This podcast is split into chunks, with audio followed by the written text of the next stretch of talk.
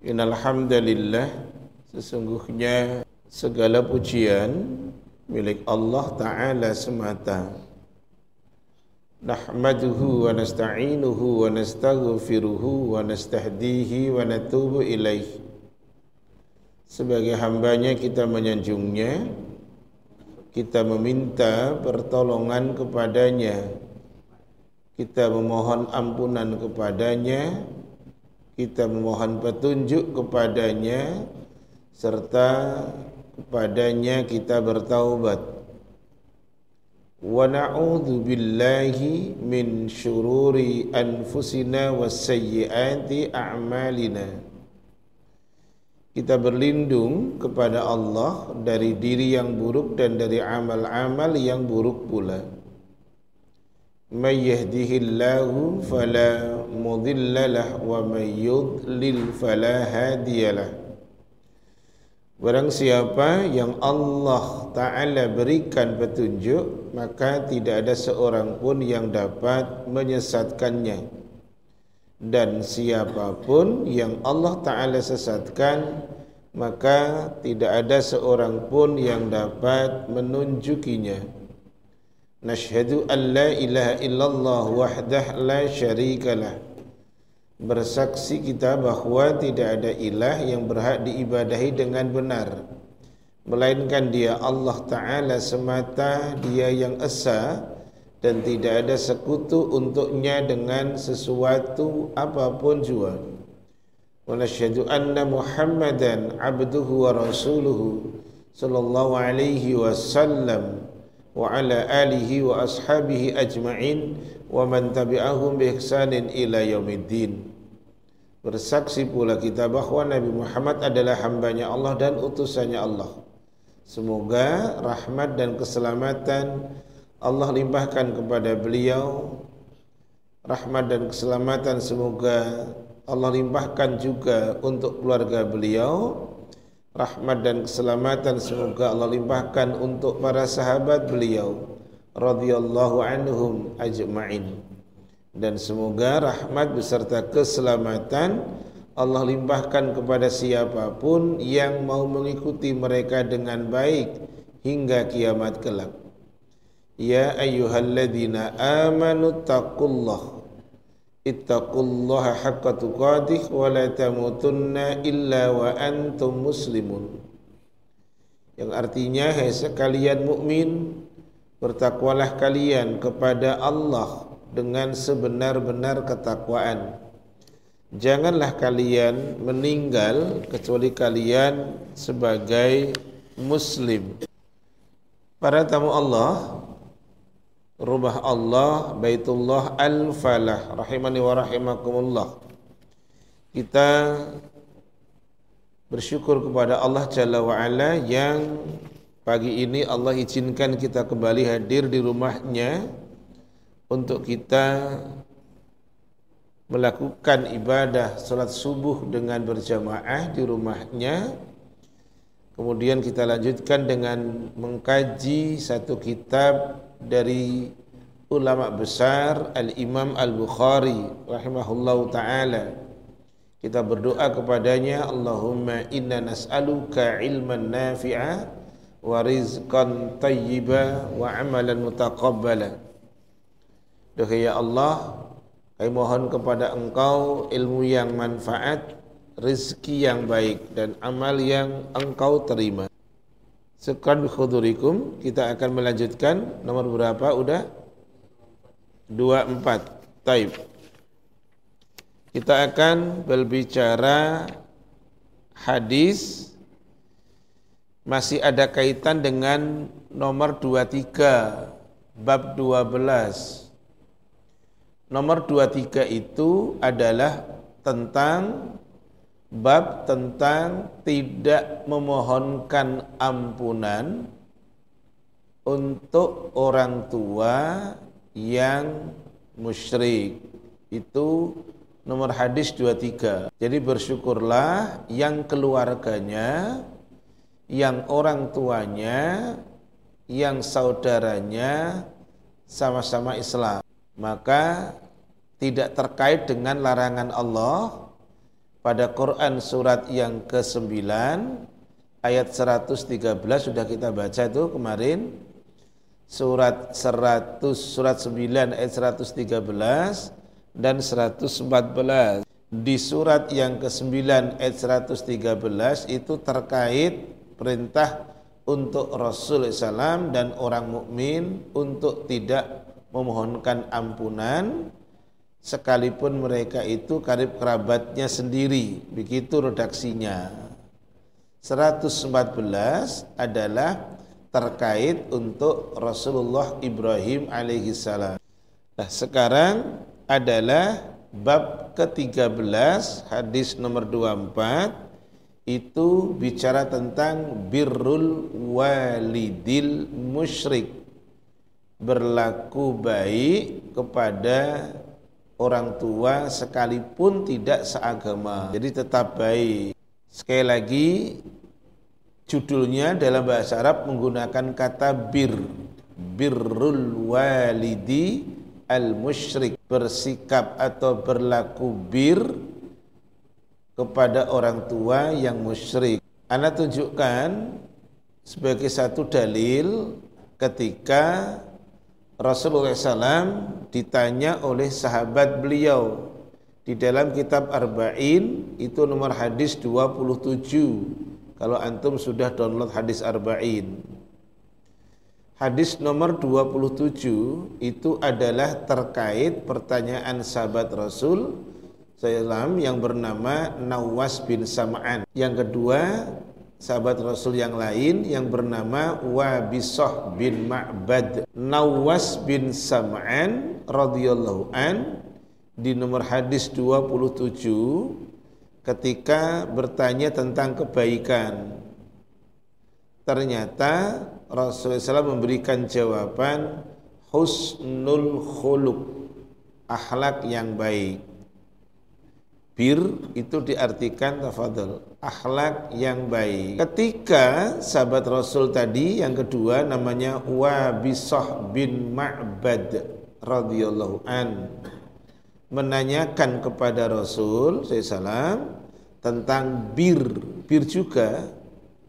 Rasul berikan jawaban dengan pertanyaan malah balik bertanya atau balik uh, tidak langsung memberikan jawaban tapi memberikan arahan begini istafti kolbaka mintalah fatwa kepada hatimu. Apa sih maksudnya? Mau dia orang baik termasuk tidak baik itu hatinya jujur. Orang yang tidak baik atau orang yang baik itu hatinya bisa membedakan ini amal baik, ini amal buruk. Yang jadi pertanyaan, kenapa sudah bisa membedakan kok dia melakukan amal yang baik, amal yang jelek pula, amal yang buruk karena hawa nafsu. Karena dia didominasi oleh hawa nafsu. Makanya melakukan hal buruk gitu. Lebih lanjut, Rasulullah SAW menyampaikan kepada Wabisah bin Ma'bad terkait makna bir. Apa itu bir? Ma itu ma'annat ilaihi al-qalbu. Itu masih di arba'in itu. Apa sih bir? Sesuatu yang akan dapat menentramkan hati. Itu bir. Nah sekarang dihubungkan dengan orang tua. Orang tua itu hatinya pengen tentram, orang tua itu pengen dimuamalai oleh anaknya buah hatinya dengan akhlak yang baik. Nah, sekarang masuk ke hadisnya nih. Bab berlaku baik kepada orang tua tapi yang tidak seagama.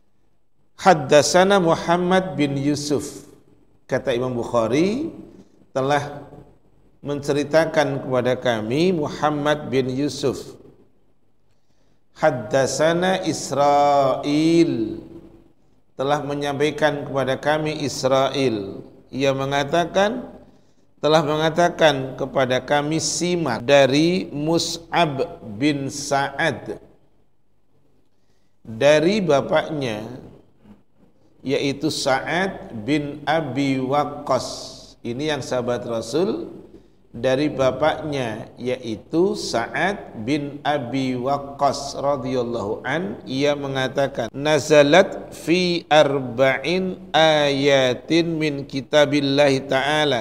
Turun kepada diriku.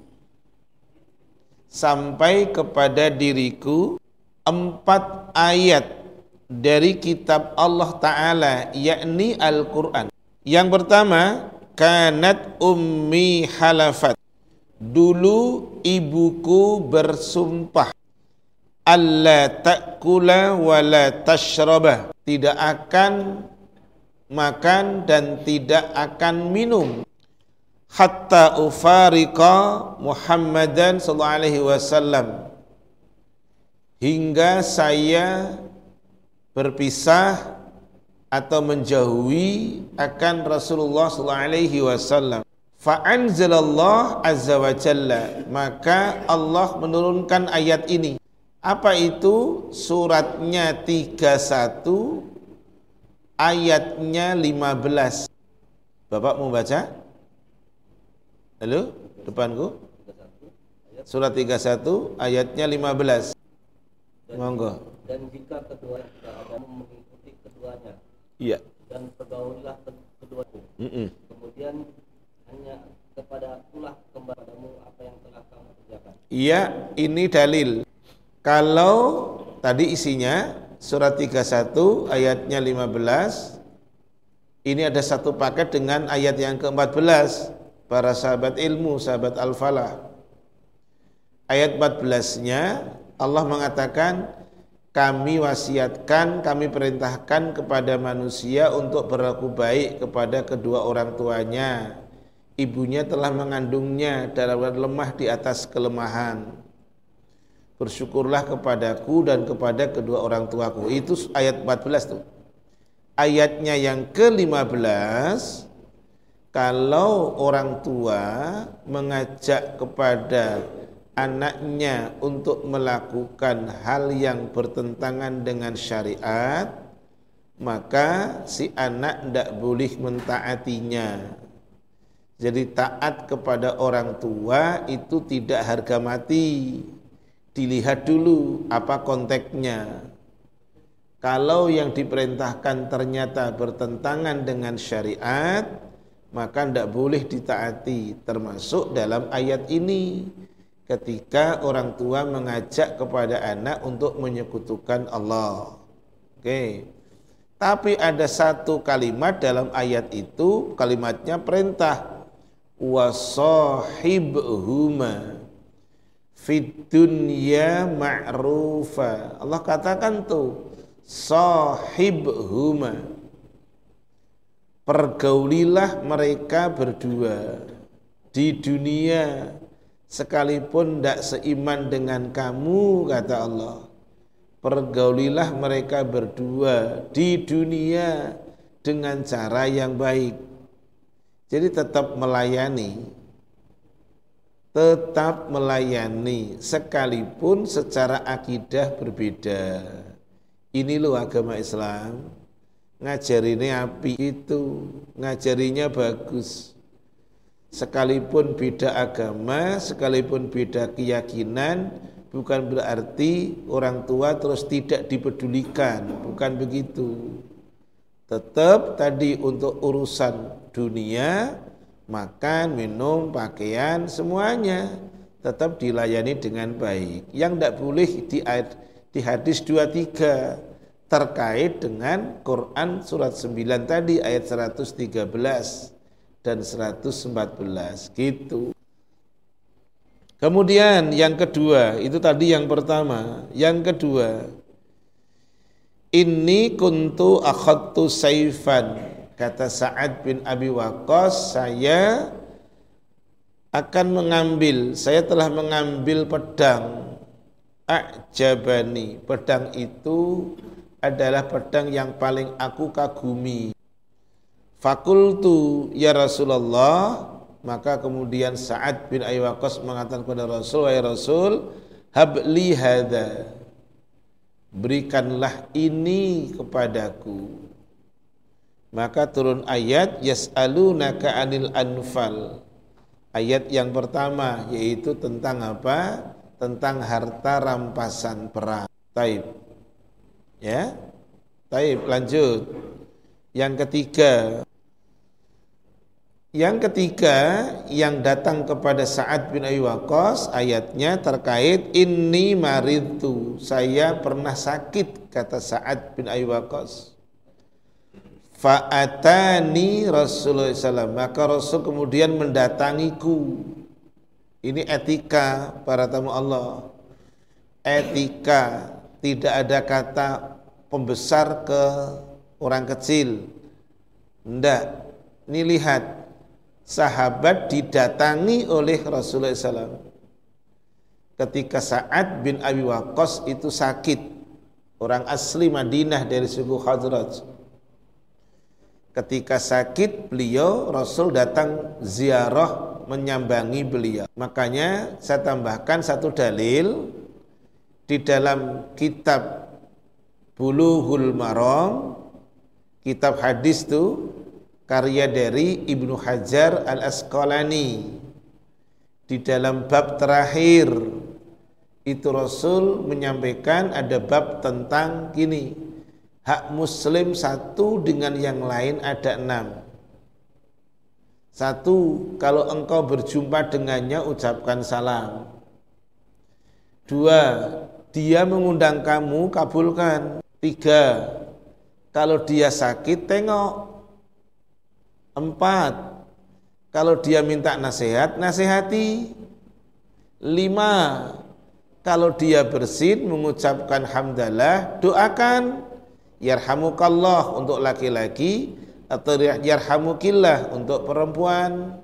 Yang keenam adalah ketika dia meninggal antarkan ke pemakamannya. Ini hak muslim, saudara kita muslim atas diri kita yang muslim juga.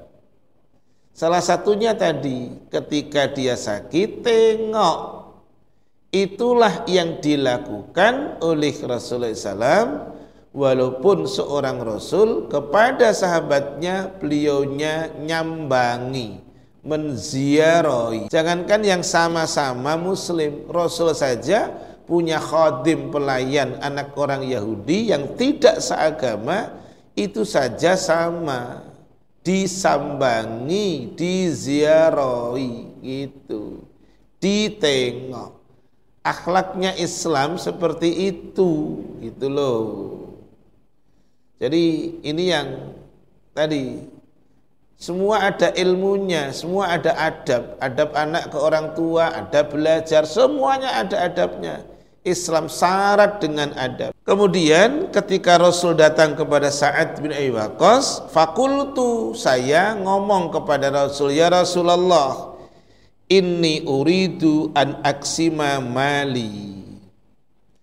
Rasul, jadi Sa'ad bin Abi Waqqas dia ngomong ingin membagi hartanya kepada anaknya. Yaitu siapa dia? yaitu Mus'ab bin Sa'ad. Dia ingin membagi kepada anaknya.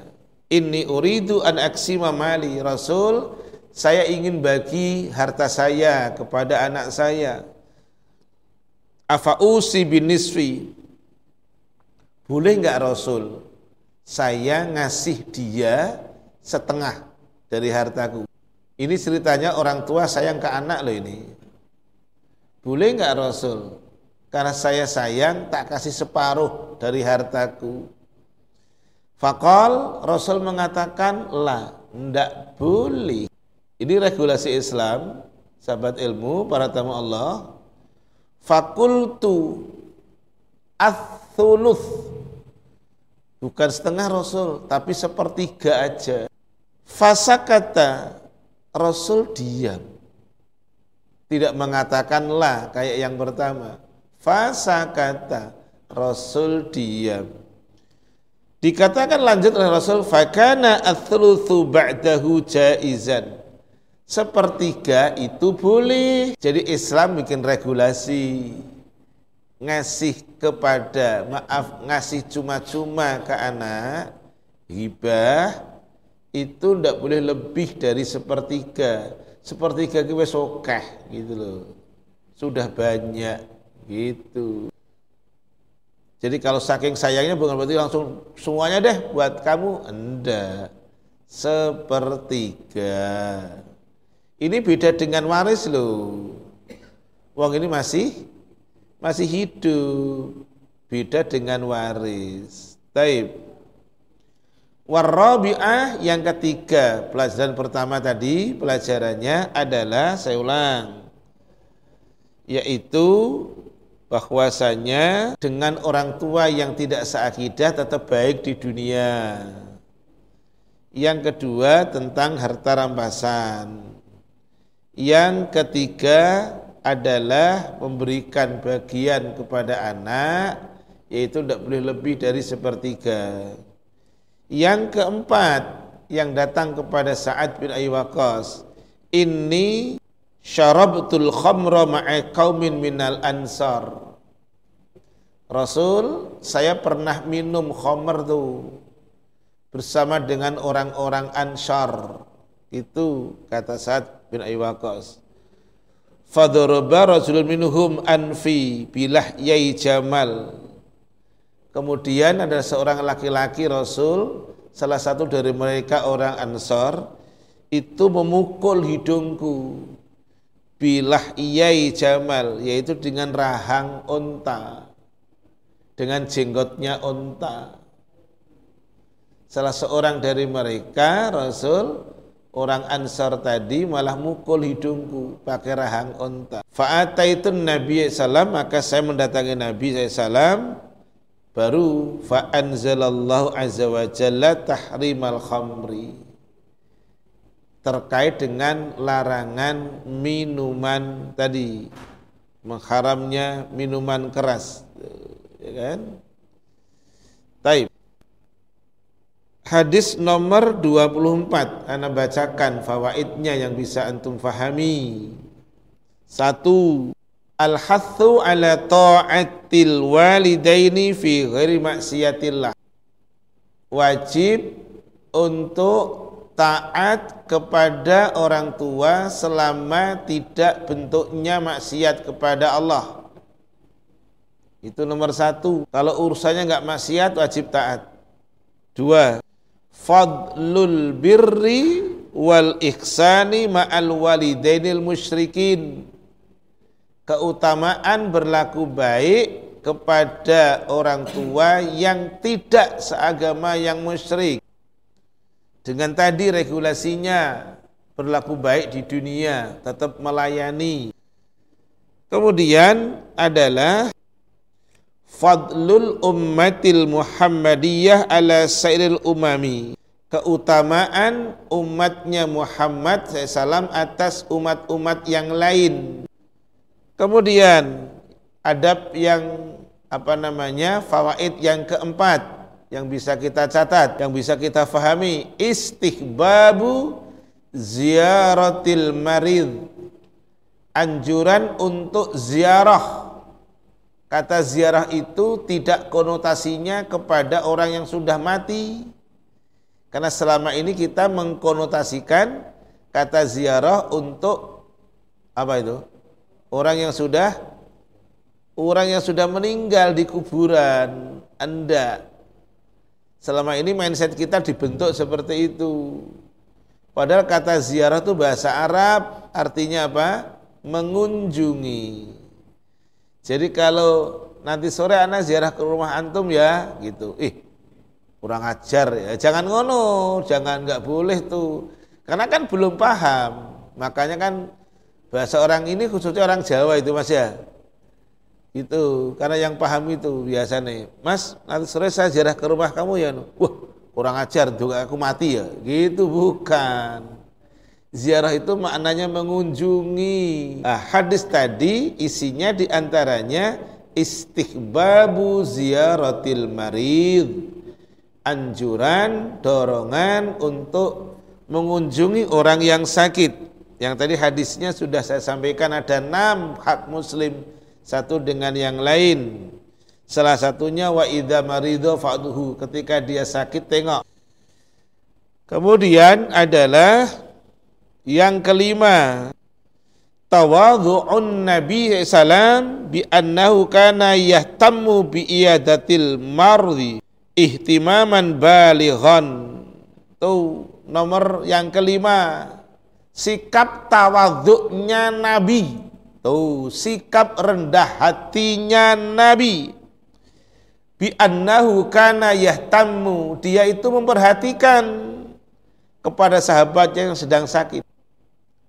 Kalau di Basura kan cuman beda beda unit dan beda apa namanya?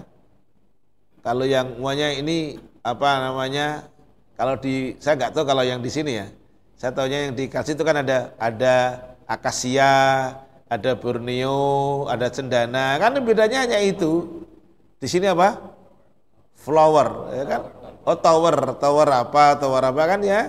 Lah iya, kan hanya itu. Bahkan mau ke masjid aja nggak kehujanan ya, langsung lewat bawah ke basementnya. Tinggal di apartemen itu salah satu nikmatnya di situ kayaknya. Mau ke masjid nggak kehujanan, nggak usah khawatir hujan misalnya. Dikasih kemudahan, sekalipun yang membangun itu tidak muslim, tapi ternyata dikasih kemudahan untuk ke masjid tidak hujan tuh Dahsyat itu mas, benar is. Top markah top itu. Inilah perhatiannya Rasul SAW menyambangi, menziarahi sahabatnya yang sakit. Kemudian yang keenam, adamu jawazi ziyadah ala thuluthi fil wasiyah. Tidak boleh nambahi setelah, tidak boleh nambahi dari sepertiga. Kalau ngasih wasiat harta kepada anak, tidak boleh walaupun cinta sayang ke si buah hati itu. Sepertiga itu udah banyak gitu loh. Apalagi nanti masih bicara waris. Ini ini belum meninggal ingin ngasih itu loh. Tidak boleh lebih dari sepertiga. Artinya kurang dari sepertiga boleh. Tidak lebih dari sepertiga tidak boleh. Kemudian selanjutnya Nanti minta tolong dah dibacakan ini, ada ayat-ayatnya. Innal khamra haramun. Khamr itu haram. Kenapa? Wafihi mafasatun azimatun. Karena di dalam khamr itu ada kerusakan yang sangat besar. Wa adrarun jasimatun berbahaya untuk badan. Saya ketika mengisi satu apartemen gitu, di Jakarta Selatan, gak saya sebutkan no, karena jangan juga tahu, saya itu apa namanya parkir kemudian berpapasan dengan si orang itu. Empat orang lah. Tapi baunya nyengat. Baunya nyengat. Bau begitulah pasti minuman keras. Itu ternyata muntah itu di depan saya. Yang dua itu. Muntah keluar dari yang dari dalam itu loh. Lah itu. Muntah. Saya langsung muncul wajar orang anu ya, langsung muncul rasa takut saya. Takut nak dikampleng saya. Terus terang Yang dua itu muntah, pokoknya langsung wek gitu loh, ya kan? Nah, itu kejadian di salah satu apartemen di Jakarta Selatan. Dua, ketika saya mengajar di Pulau Sirih, Bekasi Barat, Masjid Al Furqon. Ini saya sebutkan masjidnya. Saya sama putri saya tuh ada kejadian orang pakai mobil Honda HRV nabrak tukang ojek ojol yang bawa wanita. Sama-sama kayaknya juga itu habis dari apa namanya tempat yang begituan. Artinya yang bebas untuk minum minuman keras. Yang ditabrak meninggal tukang ojek plus perempuan tadi kemudian si yang pakai ARV nabrak tiang listrik terkapar walaupun tidak meninggal atau walaupun belum meninggal dan saya terus terang ingat pesan orang jangan berlagak jadi pahlawan nanti nanti takut apa bahasanya kalau nolongin takut disalahkan atau jadiin tersangka atau apa ya jadi akhirnya Nontonlah itu. Itulah bahayanya tadi. Yang tadi minuman keras. Nah, sekarang baca tentang Homer. Satu, surat 2 ayat 219. Surat 2 Al-Baqarah 219. Monggo, udah. Ini biangnya apa namanya?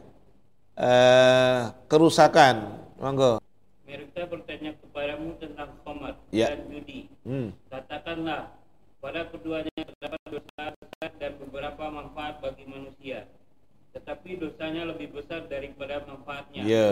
Dan mereka bertanya kepadamu tentang apa yang harus mereka infakkan. Kat- Katakanlah yang lebih dari keperluan dari keperluan. Demikian Allah menerangkan ayat-ayatnya kepadamu supaya kamu berpikir. Sekran, tak berikan salah satu makna mubadir. Kata mubadir itu dalam Quran surat 17 ayatnya 26 27 itu ya. Mubadir itu ternyata membelanjakan harta tapi yang bertentangan dengan syariat. Sekecil apa pun itu mubadir. Membelanjakan harta tapi yang menyelisihi akan syariat. Itu namanya mubadir, at-tabdir. Termasuk untuk tadi minum minuman keras. Dan ternyata itu dijual di negeri ini sangat apa namanya mudah untuk untuk mendapatkan itu gitu loh. Mendapatkan itu mudah sekali. Jadi bukan bukan dibuat bagaimana pajak tinggi atau pokoknya mudah sekali lah. Kenapa saya katakan mudah? Karena jalan menuju ke perumahan tempat saya itu hitungannya puluhan orang jual seperti itu. Taib. Kemudian minta tolong dah terakhir untuk ayat tentang khamar Suratnya 5, ayatnya 90 dan 91. Monggo. Surat 5 Al-Maidah ayatnya 90 dan 91. Monggo. Wahai orang-orang yang beriman, sesungguhnya komar, minuman keras, berjudi, berkurban untuk berhala, mengundi nasib dengan Iya. adalah perbuatan keji. Dan maka jauhilah perbuatan kamu beruntung. 91-nya sekarang. Dengan komar atau minuman keras dan berjudi itu setan bermaksud hendak menimbulkan permusuhan dan kebencian di antara kamu dan menghalangimu dari mengingat Allah dan sholat. Maka tidakkah kamu ber- maka tidakkah kamu mau berhenti Sekarang kita masuk di hadis nomor 25. Masih sama judulnya yaitu berlaku baik kepada orang tua yang tidak sekeyakinan. Kata Imam Bukhari telah menceritakan kepada kami Humaidi mengatakan kepada kami Ibnu Uyainah mengatakan kepada kami Hisham bin Urwah mengabarkan kepada saya bapakku akhbaratni Asma binti Abi Bakar telah mengabarkan dia kepada saya Asma binti Abu Bakar. Qalat atatni ummi raghibah fi ahdin Nabi sallam. Kata Asma binti Abu Bakar dia mengatakan ibuku sangat rindu kepadaku. Dia datang kepadaku di masa Nabi sallallahu alaihi wasallam. Oke. Telah datang kepadaku ibuku karena rindunya kepada. Fasa'altun Nabi sallam. Asma binti Abu Bakar kemudian nanya kepada Nabi. Asiluha apakah saya boleh nyambung kepada dia? Inilah inilah indahnya dalam perkawanan antara sahabat dengan Rasul gitu loh. Apa saja ditanyakan yang kira-kira yang kira-kira boleh tidaknya langsung nanya gitu loh. Asma binti Abu Bakar dia menanyakan asiluha boleh enggak aku nyambung dia kata Rasul kal naam. Ya boleh. Qala Ibnu Uyainah. Kemudian Ibnu Uyainah mengatakan fa anzalallahu azza wa jalla fiha. Maka Allah menurunkan ayat terkait dengan itu. Kalau tadi adalah surat 31 ayat 15, pergaulilah keduanya di dunia dengan cara yang baik gitu. Nah sekarang ini lebih lengkap lagi umum. dengan siapa pun kalau sekalipun tidak seakidah kalau dia tidak memerangi kamu lakukan dengan cara yang baik. Gitu suratnya monggo 60 ayatnya 8 udah silahkan. Di Al-Quran.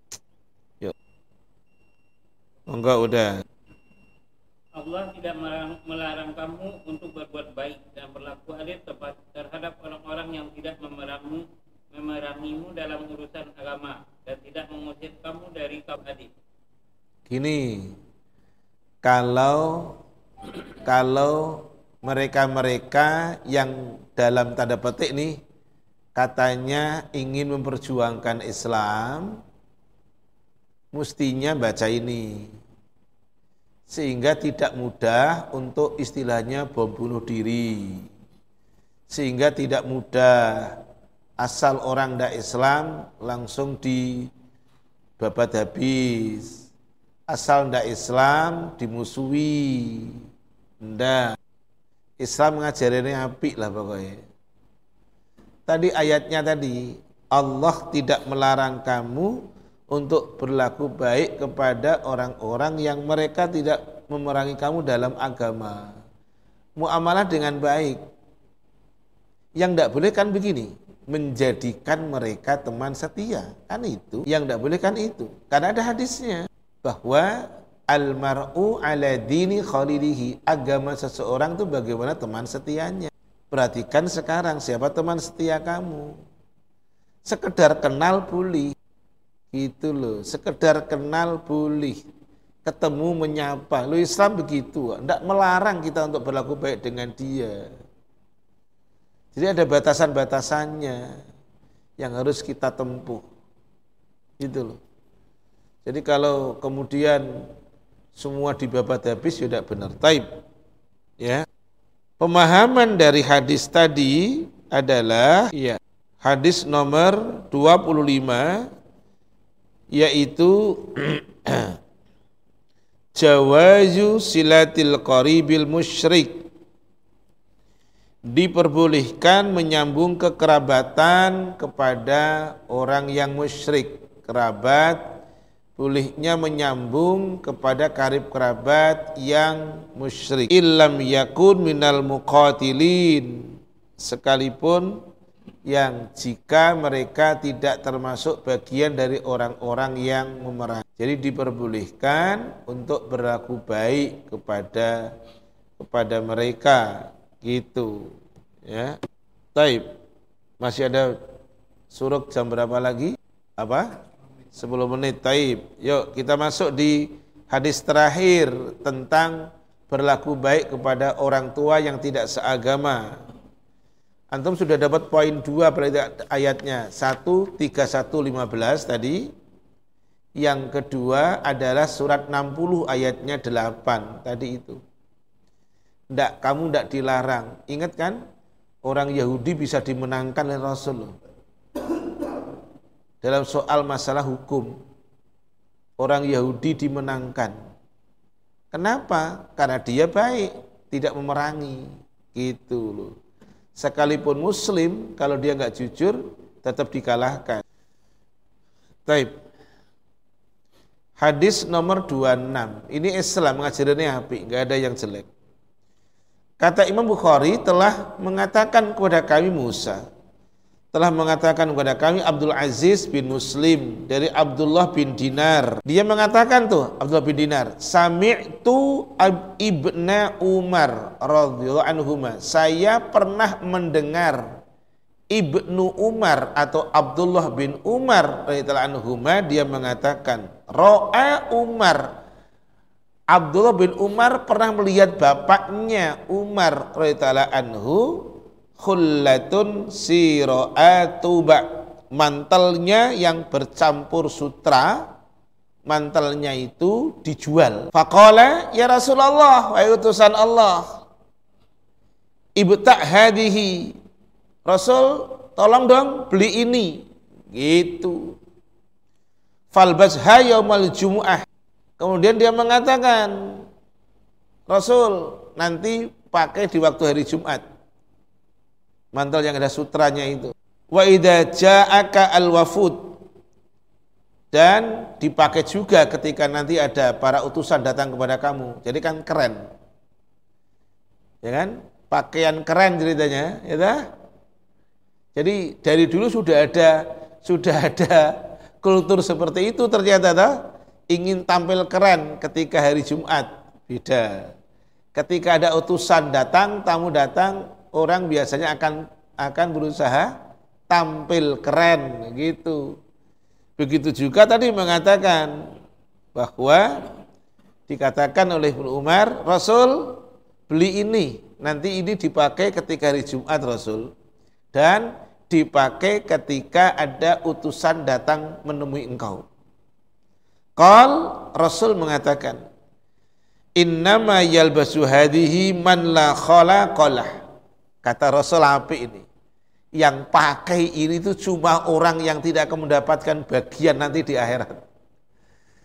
Tuh, itu yang pakai ini mantel yang ada sutranya ini itu adalah or, hanya orang yang nanti tidak mendapatkan bagian di akhirat surganya yang masih memakai dengan yang ada sutra. Maka fa'utiyan Nabi sallam minha bi khulalin Kemudian Nabi dikasih, bukan suruh beli. Nabi dikasih tadi pakaian yang ada sutranya. Fa'arsala ila Umar bi khullatin. Sekarang Rasul malah yang mengantarkan kain yang ada sutranya tadi kepada Umar, dikirimkan ke dia. Umar tadi bilang, Rasul pakai aja nanti hari Jumat. Rasul nanti dipakai waktu ada tamu datang. Wah tamu kenegaraan kan pakaiannya harus keren. Ya kan? Kata Rasul yang mau pakai baju ini tuh orang yang pakai kain ini hanya orang yang tidak mendapatkan bagian nanti di akhirat. Kemudian dia diahkan itu kepada Rasul, diberi Rasul. Oleh Rasul kemudian diberikan kepada Umar bin Al-Khattab anhu Fakola Umar kemudian ngomong kepada Rasul. Jadi ada TikToknya ini. Kaifa albasuha wa qad qulta fiha ma qulta. Rasul kata kata Umar, Rasul kaifa albasuha? Bagaimana sama kain ini? Engkau saja tidak mau memakainya. Tadi kan Rasul nggak mau. Bukan bahasanya bukan tidak mau yang masih mau pakai kain ini itu nanti nggak dapat bagian di akhirat. Loh ngono. Karena ada sutranya. Kata Umar, ya sudah dikasihlah sama Rasul. Cuma-cuma. Oleh Rasul dikirim lagi kepada Umar. Kemudian Umar ngomong, "Kaifa albasuha wa qad qulta fiha ma qulta." Rasul, bagaimana saya memakai ini engkau aja tidak mau. Kal Rasul mengatakan ini lam u'tikaha lital bisaha. Saya ngasih engkau itu bukan tujuannya untuk dipakai, ndak. Jadi boleh ngasih kain yang ada setelahnya. Laki-laki boleh nggak dikasih mas? Sekarang saya berkembang. Boleh nggak Pak Idris ngasih ke Uda Mas? Manggil Mas boleh nggak? Nggak boleh orang Padang. Ah. Boleh nggak ngasih Mas? Boleh. Yang nggak boleh kan dipakai. Inilah sama. Rasul kemudian inilam u'tika halital bisaha. Saya itu tidak ngasih kamu, itu bukan untuk dipakai, bukan. Walakin tabi'aha akan tetapi kamu jual autaksuha atau kamu pakaikan ke orang lain. Kamu kasih wanita kepada orang lain. Fa'arsala biha Umar ila akhin lahu min ahli Mekah. Umar kemudian ngasih kepada saudaranya yang ada di Mekah. Qobla ayus lima sebelum ia masuk Islam. Ini loh, api ternyata. Jadi ngasih hadiah walaupun mas ya tahu perak, apa itu, berlian, nah, boleh aja. Ngasih emas gitu kan, pas batangan atau ngasih kain sutra yang mahal ya boleh aja. Tapi kan yang tidak boleh laki-laki pakai emas maupun sutra tadi. Tapi boleh dijual atau diberikan kepada orang lain. Taib. Hadis nomor 26.